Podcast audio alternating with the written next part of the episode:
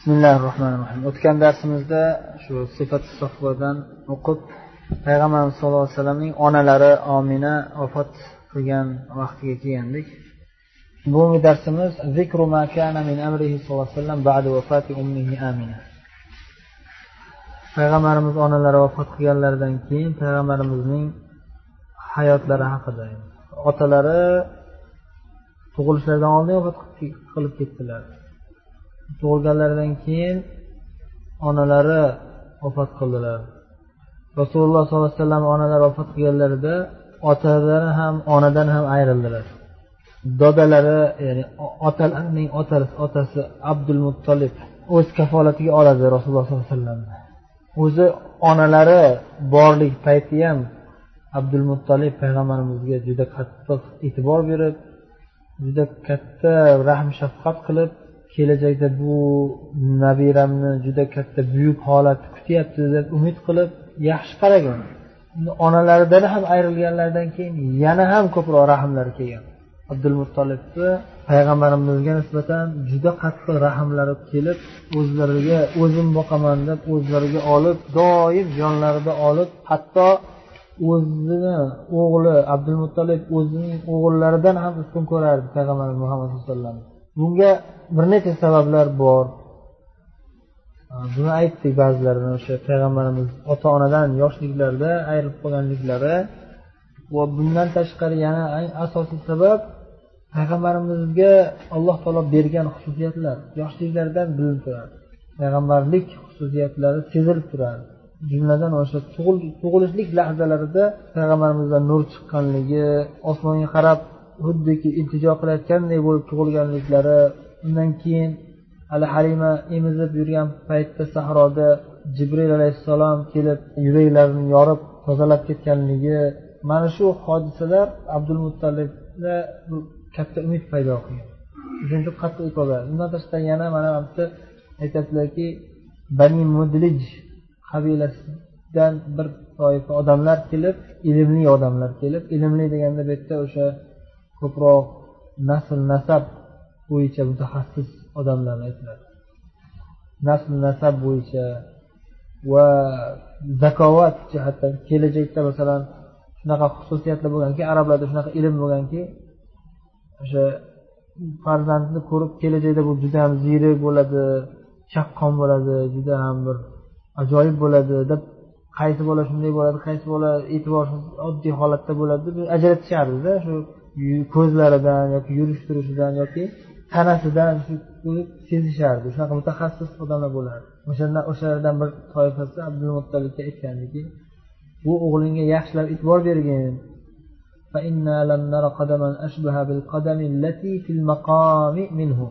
Chunki buning oyog'i anavi maqomdagi qadamga juda ham yaqin juda ham o'xshash.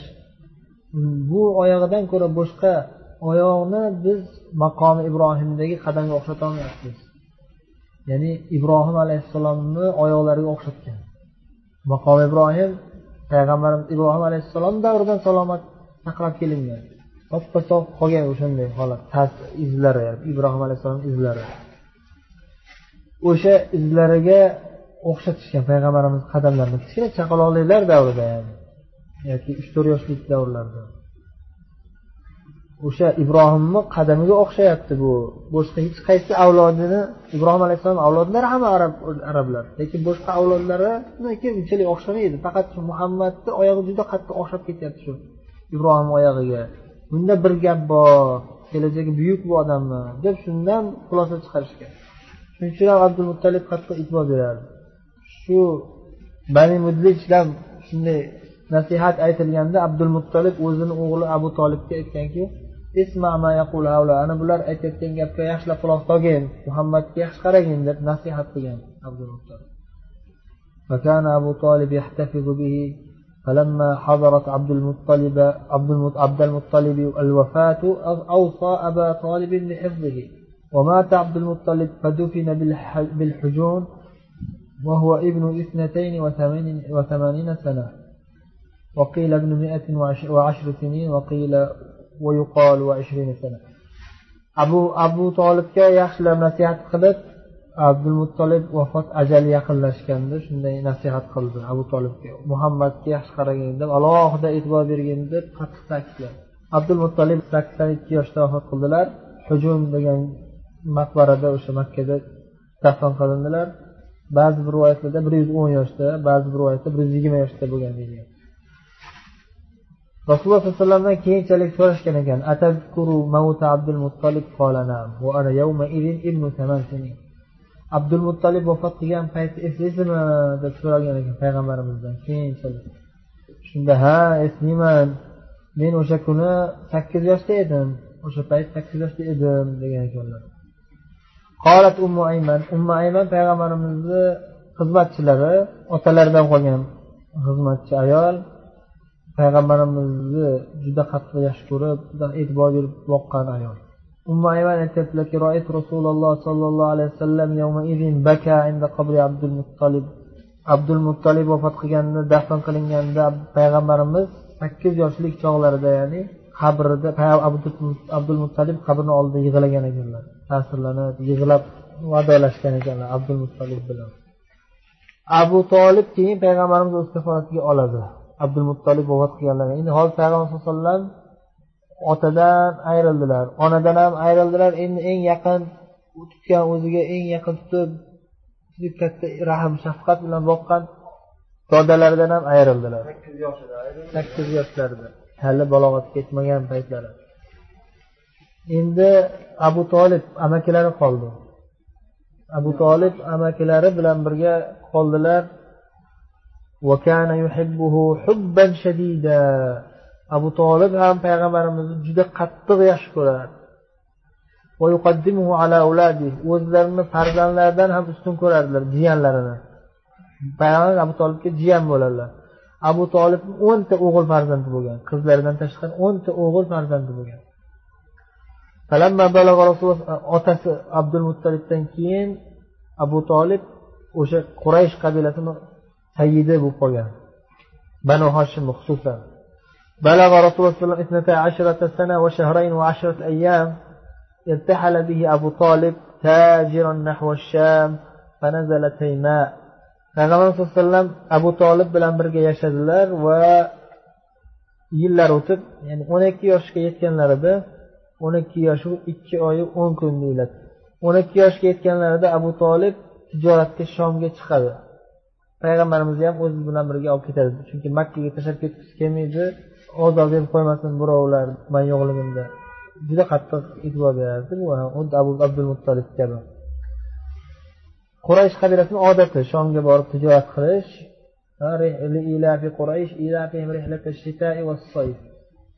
Qishda janubda yamanga yozda shomga borisharmidi qishda u yoqqa yozda bu yoqqa borishardi ikkita Э, tijoratlar bor.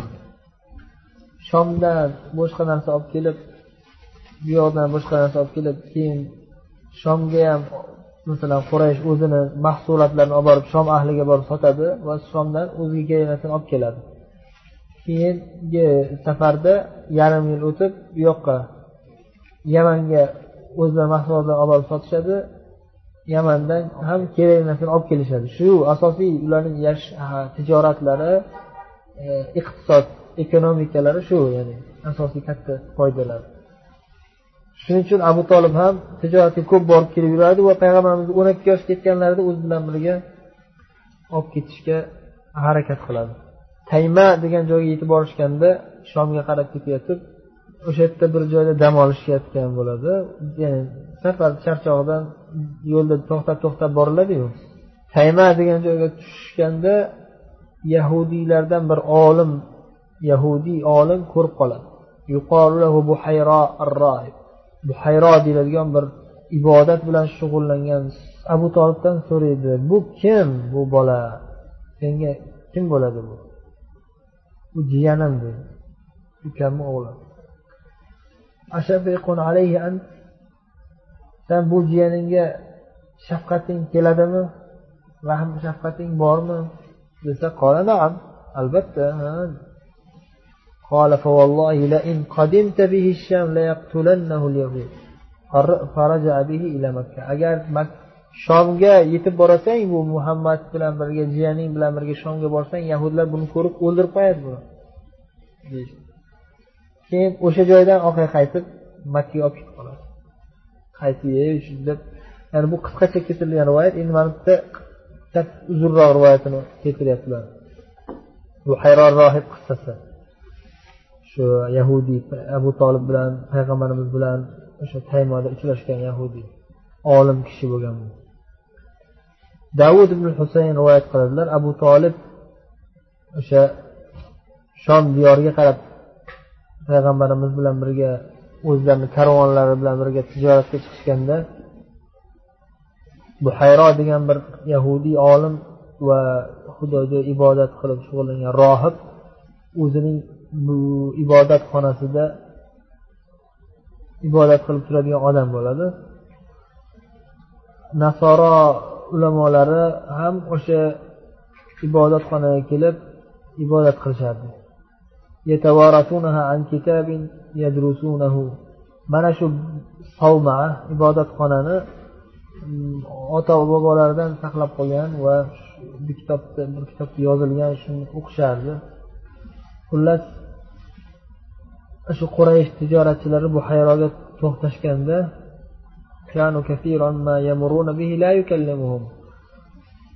doim o'tishadi tijoratga borganda qaytganda shu joydan o'tishardi bu hayrodan bu hayroni oldidan. Lekin u odam ibodat bilan shug'ullanib bularga qaramasdi quraysh. qabilasiga tijoratchilarga qaramasdi dunyo bilan shug'ullanmasdi حتى إذا كان ذلك العام ونزلوا منزلا قريبا من صومعته قد كانوا ينزلونه قبل ذلك كلما مروا فصنع لهم طعاما ثم دعاهم endi aytyaptiki mana shu yili payg'ambar o'n ikki yoshga yetganlarida abu tolib bilan ketayotganlarida o'sha yerga borib o'sha ibodatxonadan yaqinroq bir joyga tushib dam olishayotganda ana shu buhayro degan yahudiy ulamosi ularga bir ovqat taom pishirib mehmon qilmoqchi bo'ladi. Chaqirib mehmon qilaman sizlarni deydi. O'zi har doim kelib ketib yurgan tijoratchilar biror marta mehmon qilmagan o'zi lekin nimaga shu safar endi mehmon qilaman deb qiziqib qoldi? Bunga bir sabab bor edi. U ham bo'lsa ana shu tijoratchilarni tepasida bulut quyoshdan salqinlik berayotgan quyosh to'sib salqin qilib beryapti shu jamoa shu tijoratchilar qayoqqa borsa bulut tepalarida soya qilib o'sha ergashib yurardi to'xtashsa to'xtaydi yurishsa yurishadi yuradi bulut. Qiziq voqea bu ya'ni hech kimni orqasidan bulut ergashib yurmaydi illo shularni tepasida bulut soya qilib salqin qilib bularga rahmi kelganday bo'lib yuribdi bulut to bir daraxtni oldiga o'tirishgan. Qarasa shu mana u bulut ham deb o'sha daraxt tepasiga kelib daraxt tagida o'tirganlarga yana soya qilib beryapti.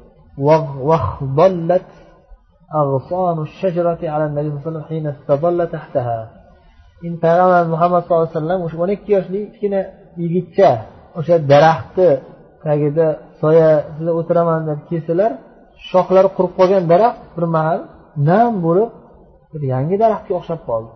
Muhammad alayhissalom uchun haligi daraxt qurigan daraxt ho'l bo'lib nam daraxt bo'lib qoldi.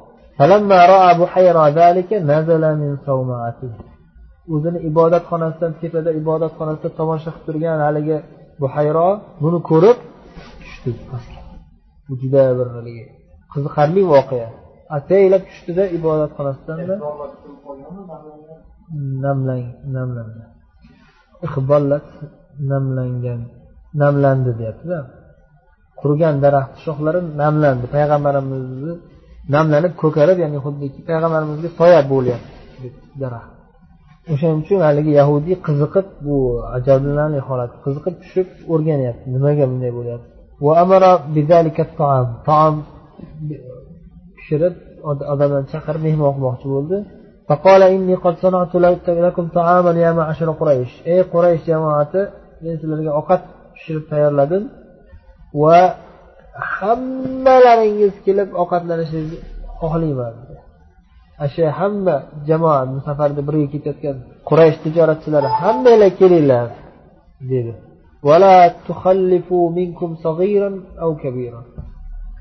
hurron vala abdan. Bironta kichkina bola ham qolmasin kattasi ham qolmasin. Hurlar ham qolmasin qullar ham qolmasin. Hammanglar kelinglar deyapti. Ovqatga mehmondorchilikkachunki sizlar men pishirgan ovqatga ijobat qilib kelsanglar sizlar mani ikrom qilgan bo'lasizlar mani hurmat qilgan bo'lasizlar. Tijoratchi quraysh tijoratchi aytdiki bu harakatingda bu mehmondorchilikka qiziqishingda bir gap bor bunaqa mehmon qilmasdingku hech bizni. Mehmon qilmasding doim o'tamiz shu yerda tijoratga boramiz kelamiz. Shomga o'tib ketganda kelayotganda. Hech mehmon qilmasding bugun nima bo'ldi senga? Mehmon qilib qolding. Desa yo shu qiziqib sizlarni mehmon qilgim kelyapti sizlarni haq huquqinglar bor musofirsizlar man bu yer shu yerda yashaydigan odamman sizlarni hurmat qilib mehmon qilishim kerak nimani deb mehmon qilishlikka qattiq qiziqib qoldi kelishdi hammalari lekin تخلف رسول الله صلى الله عليه وسلم من بين القوم لحداثة, لحداثة سنه ليس في القوم أصغر منه في رحالهم تحت الشجرة rasululloh sollallohu alayhi vasallam kelmadilar. Mehmondorchilikka kelmadilar. Sababi man yosh yigit bo'lsam kichkina bola bo'lsam katta odamlarni mehmondorchiligiga nima qilaman? deb uyalib odob saqlab bormadilar. U tijoratchilar o'sha jamoatni ichida payg'ambarimizdan ko'ra yosh kichkinaroq hech kim yo'q edi. Eng kichkinasi yosh eng kichkina odam payg'ambar edilar. Payg'ambarimiz muhammad sallallohu alayhi vasallam edilar o'shaning uchun uyaldilar man kichkina bo'lsam nima qilaman shu tuyalarga qarab tura qolay deb فلما نظر بحيرة إلى القوم فلم يرى الصفة التي يعرف ويجدها عنده وجعل ينظر فلا يرى الغمامة على أحد من القوم asosiy odam kelmagandan keyin nima bo'ldi buhayro u kelgan mehmonlarga qaradi qarasa u bilgan kitobda o'qigan sifat ko'rinmayapti birontasida. Payg'ambarlik sifati bironta payg'ambarimizdan boshqa hech kimda yo'qku. Bu kitobda o'qigani o'sha haligi bulutni ko'rgandan keyin bularni soyalashtirib shularni ichida dedida shularni ichida kimdir payg'ambar bo'ladigan odam bor. Kitobda yozilganda u olim odam. Lekin mehmonlikka chaqirilganda mehmonlarni ichida birontasida bunaqa sifat yo'q ekan. Keyin bulutga qarab bulut qani? Qarasa bulut ham kelmagan bulut ergashib yuruvdiyu bular jamoat bilan birga. hali bulut ham kelmagan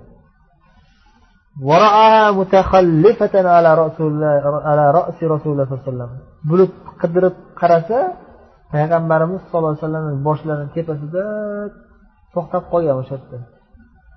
Faqola bu hayro shunda buni ko'rgandan keyin bu hayro aytdiki ya mashara quraysh la yatakhallafanna ahadun minkum an taami. Ey quraysh jamoati meni ovqatimdan hech kim qolmasin dedim sizlarga hech kim qolmasin. Hammani olib kelinglar ovqatimga dedi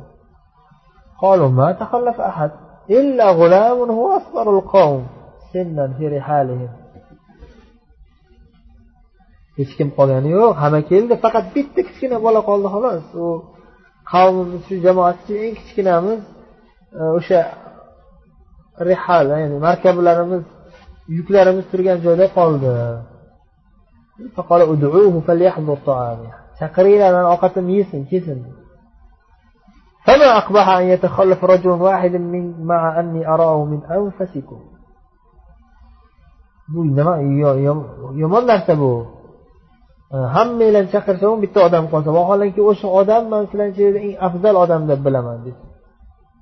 من أنفسكم. إن أفضل إلى لا إن نفيس نفيس تجمعون يلا شو eng go'zal eng yaxshi odam deb bilyapman. Shunda jamoat aytishdiki vallohi nasab jihatdan haqiqatda eng yaxshimiz o'sha odam nasabi juda pok inson u. Avsatul degani eng o'rtacha degani lekin o'rtacha eng baland degan ma'noda berdi. Eng baland nasabli odam o'sha. Mana bu odamni jiyani bo'ladi u odam u bola. Abu tolibga ishora qilishdi. va u abdul muttalib farzandlaridan nabirasi فقال الحارث بن عبد المطلب الحارث بن عبد المطلب أبو طالب ukasi aytdiki vallohi in kana bina lalu'mun an yatakhallafa ibn abdul muttalib min baynina biz naqadar bir ahmoqlik qildik abdul muttalibni o'g'li bo'lib turib oramizdan shu ya'ni shu o'zimizni jiyanimiz abdul muttalibni nabirasi bo'lib turib tashlab kelsak olib kelmasak Kichkina bolada pastga ursak degan ma'noda o'zlarini o'zlari malomat qilishdi keyin.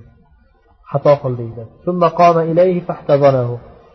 yugurib borib payg'ambarimiz quchoqlab olib keldi. Olib kelib ovqat dasturxonga o'tkazdi ovqatdan olgin deb shunda bulut ham orqasidan payg'ambarni orqalaridan tepalarida soya qilib ergashib keldi. Buhayro olim yahudiy bo'lsa bunga juda qattiq e'tibor berib kuzatib turardi payg'ambar muhammad sallallohu alayhi vasallamni jismlaridagi alomatlarga juda qattiq e'tibor berib turuvdi u o'sha o'qigan kitoblarida yozilgan sifatlarini payg'ambarimizni jismlarida ko'rardi ko'ryapti.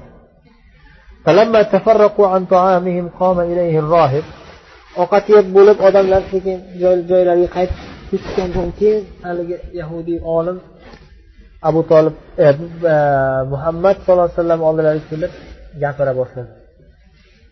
Ya g'ulam ey bolacha as'aluka bihaqqi llati val uzza lot va uzzo haqqini qo'yib o'rtaga qo'yib so'rayman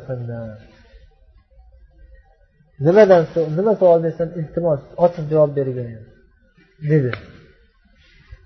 Nimaga lat va uzza deyapti? Chunki quraysh lat uzzaga ibodat qilishardi lat uzzo eng mashhur butlar bo'lgan. Quraysh va o'sha makka ahli o'sha hijoz ahli desak to'g'ri. Hijoz makka va toif shu jihatlar hammalari bir qancha butlar bor eng mashhuri lat bilan uzzo edi. Hammalari qasam ichishsa lotga qasam uzzoga qasam deb o'shani aytib qasam ichishadi o'shaning uchun bu yahudiy ham biladi buni. Quraysh qabilasi shu lot uzzoni qasam qasam ichishni biladida o'shaning uchun bu ham qurayshdan deb ataylab imtihon qilish uchun ham qasam ichadiki agar shu lat uzzoni qabul qilsa bu payg'ambar bo'lmaydi. u kitobda o'qigan qani xuddi imtihon sifatida qasam ichib so'rab ko'ryapti nima so'rasam lat uzzoga qasam aytaman iltimos nima savol bersam javob bergin deyapti sal gap aylanib beribdiki lat uzzoga indamasdan ketadi فقال رسول الله صلى الله عليه وسلم لا تسألني باللات والعزى kichkina o'n ikki yoshli paytlari ya'ni lat uzzoni o'rtaga qo'yib so'ramagin Lat uzzoga qasam ichmagin tilga olmagin bu narsalarni. Bularni shu darajada yomon ko'rdingki bu bundan boshqa narsani bunchalik yomon ko'rmaganman. Eng yomon ko'rgan narsam shu lat uzzorlarga qasam ichish keyin u bu bitta belgisi javob chiqdi. Payg'ambarimiz payg'ambar ekanligiga ishora. Yomon ko'rish ya'ni biron bir narsani yomon ko'rmaganman. Ya'ni shuni yomon ko'rgandek. Shu ikkita lat uzzoni yomon ko'rgandek boshqa narsani yomon ko'rmaganman. Eng qattiq yomon ko'rgan narsam shu ikkitasi. Keyin buhayro aytdiki ollohni nomi bilan aytaman.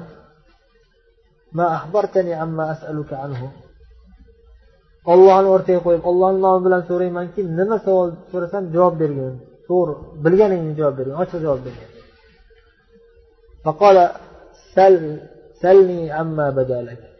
nima haqida so'ramoqchi bo'lsang so'ragin dedilar payg'ambarimiz فجعل يسأله عن أشياء من حاله حتى نومه payg'ambarimizni ahvollari yurish turishlari haqida bir necha savollar so'radi. Hatto uxlashlari haqida ham savol so'rayapti. Payg'ambarimiz bo'lsa o'zlarini holatlari haqida so'ralgan savolga javob berib turdilar. Javoblari xuddi o'sha buhayro kitobda o'qiganday chiqardi kitobda shu muhammad degan payg'ambar keladi bunaqa bo'ladi bunaqa bo'ladi bunaqa bo'ladi yozilgan.